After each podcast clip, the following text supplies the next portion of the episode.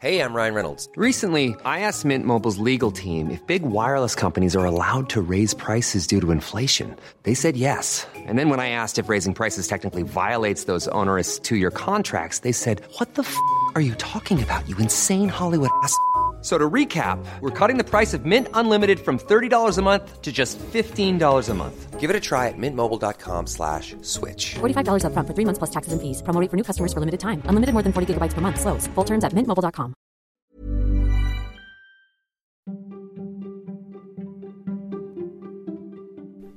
Välkommen till Nomofomo Daily.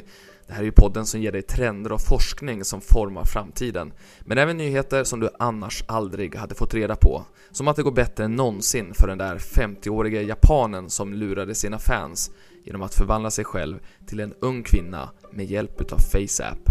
Jag som DJar internet åt dig heter Niklas Hermansson. Fake News har fått konflikten i Gaza att eskalera. En talesman för Israels premiärminister lade nyligen upp en video på Twitter där det ser ut som att militanta palestinier i Gaza utför raketattacker mot israeler i tätbefolkad miljö. Den här tweeten har delats hundratals gånger den senaste veckan, men nu skriver New York Times att videon inte alls är från Gaza, utan från Syrien eller Libyen. Videon är inte ens ny, den är från 2018 och går att hitta i flera versioner på Youtube. New York Times skriver att det här är bara ett exempel av många på hur desinformation används i sociala medier från båda sidor. Och eh, några fler nyheter om sociala medier och plattformar. När det Fix listar de europeiska nyhetsmedier som är störst på TikTok. Och då kommer tidningen, tidningen Expressen på 15 plats med sina 7000 följare. The Fix har dock missat norska Världens Gang som med sina 50 000 följare hade tagit sig in på topp 10-listan. Vinnaren det är Daily Mail som har nästan 2 miljoner följare och tyska tv-bolaget Tagesschau kommer tvåa med 850 000 följare. BBC är trea med 580 000. Twitter har tidigare bekräftat att man tittar på en betald prenumerationsmodell för vissa funktioner. Nu har det läckt ut nya uppgifter om det här hemliga projektet. Jane Manchun Wong twittrade i lördags att prenumerationen ska kallas Twitter Blue och att det ska kosta 3 dollar per månad. Då ingår en funktion för att ångra sina tweets och möjligheten att kunna samla sina favorittweets på olika sätt. I grunden handlar det om att ge en bättre användarupplevelse för de som är redo att betala, skriver The Verge. Och minns ni då den där 50-åriga motorcykelfantasten från Japan som använde FaceApp för att förvandla sig till en ung kvinna och på så sätt lockade tusentals fans till sitt Twitterkonto. Han avslöjades ju i ett japanskt tv-program som konfronterade mannen Yasuo Nakayama på gatan. Hans eh, försvar var ju att eh, det var ingen som brydde sig om att eh, veta vad en med normal medelålders man gör på dagarna. Han fick ju då följarna att eh, hänga med runt om i Japan när han åkte ut på sina äventyr och han har ju fortsatt med det där. Och nu några månader senare så konstaterar Washington Post att eh, hans fanbase inte alls har minskat efter det här avslöjandet utan tvärtom. Många säger att de eh, bryr sig mer om hans personlighet än om hans ansikte och menar att den här vackra kvinnan endast existerar i den här 50-årige mannen. Från Twitter till krypto. Tidigare i maj blev Vitalik Buterin världens yngsta kryptomiljardär när valutan ethereum kom upp i 3500 dollar. Den rysk-kanadensiska 27-åringen var med och grundade ethereum redan 2013 och har sedan dess blivit en av blockkedjetrendens största vinnare. Nu rapporterar CNN att Buterin har gjort en megadonation till en indisk kryptohjälpfond.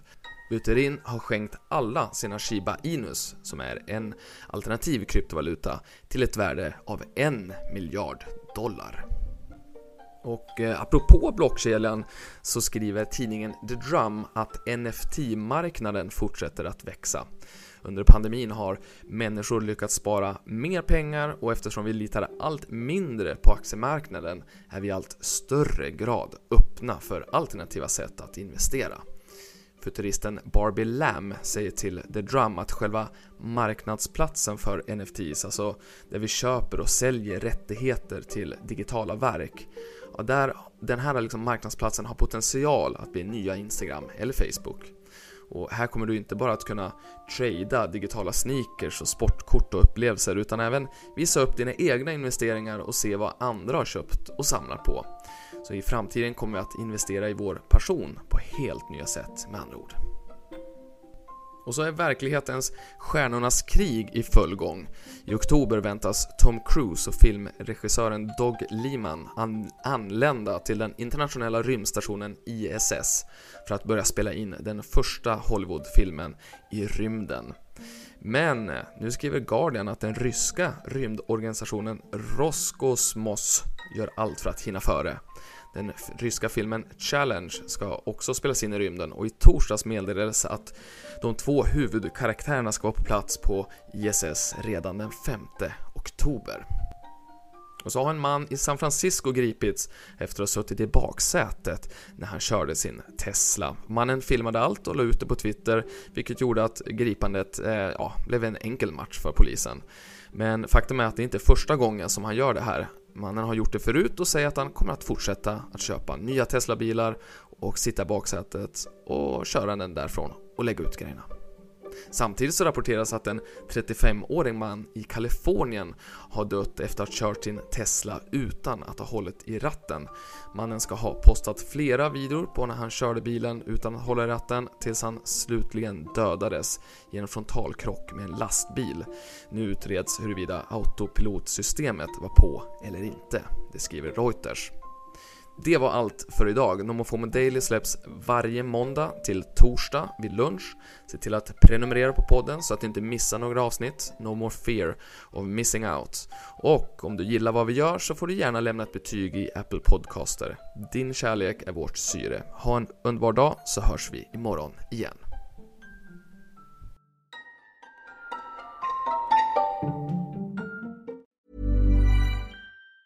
Hi, I'm Daniel, founder of Pretty Litter. Did you know cats tend to hide symptoms of sickness and pain? I learned this the hard way after losing my cat, Gingy. So I created Pretty Litter, a health monitoring litter that helps detect early signs of illness by changing colors, saving you money and potentially your cat's life. Pretty Litter is veterinarian developed, and it's the easiest way to keep tabs on your fur baby's health right at home. Go to prettylitter.com and use code ACAST for 20% off your first order and a free cat toy. Terms and conditions apply. See site for details.